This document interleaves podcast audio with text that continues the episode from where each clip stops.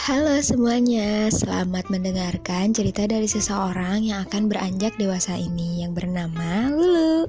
Udah dewasa sih sebenarnya, secara gue sekarang udah umur 20, tahun ini 21 lagi, aduh Oke, okay, back to the topic. Gue di sini akan memberikan podcast gue adalah Millennials Life Assuring Your Feel Better.